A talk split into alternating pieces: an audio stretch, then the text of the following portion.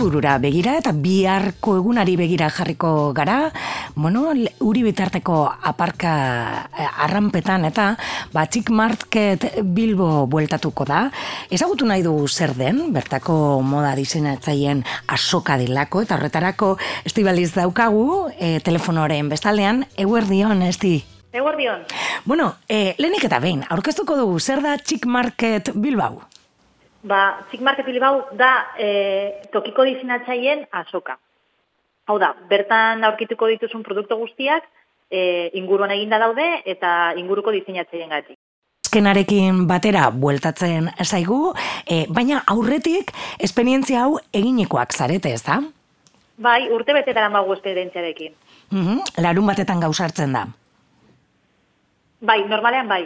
Mm Bueno, totiko amabi diseinatzaile hurbiltzen e, direnentzat zertopatuko dugu? Ba, ediziontan dauzkagu bitxiak, e, poltsak, kosmetika, estampazioa, kirole, kirolerako moda, moda, aur moda ere, dekorazioa, motxilak, Mm Eta e, aipatu duzun bezala, e, ba, no, ba, gertuko sortzaile artizau diseinatzaileen lekua izan nahi du? Hori da, hori da gure helburua. Mm Eta esaterako, eh, amabi lagun hauek, amabi marka diseinuzko marka hauek, nondik datoz bilbotarrak dira, euskaldunak? E, ba, gehien bat, mm, Bilbo handitik datoz, baina ere badator adibidez natural killer, kirol moda, bera zarotzetik dator. Mm -hmm. e, memimo e, durango aldetik dator. Orduan, bueno, a ber, Bilbo ingurua eta bueno, Bizkaitik eta pizkat gehiago ere. Bai. Beraz, eh, tokian tokiko e, ba, moda edo, bueno, ba, soka bat izan nahi du, ez?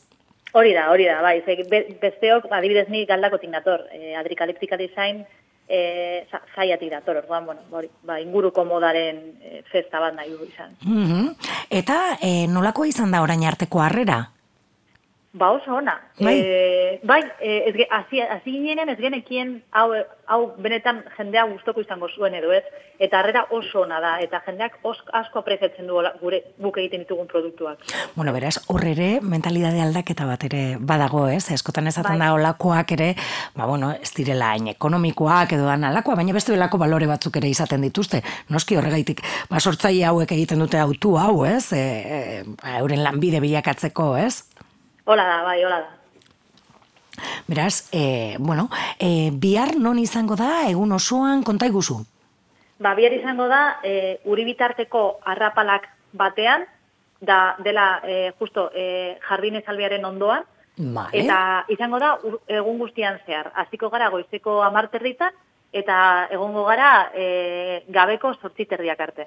Bueno, ba, orduan egun osoan zehar, e, bertan, txik market e, izango da, ez? E, e, bueno, zeu ere izango dituzu, ez? E, kontuak e, e, aurkesteko.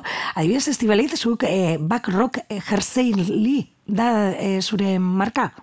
Bai, nire izena da, bai, barrok. E, ah, barrok, barrok. joleri esatea ezinezkoa da garontzat. Vale, vale. Eta zer egiten duzu? E, konta duzu?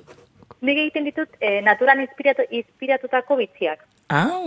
Eta fabrikatzeko e, egiten dudana da irudimentzietako impresora bat erabili. Oh, Begira. Bai.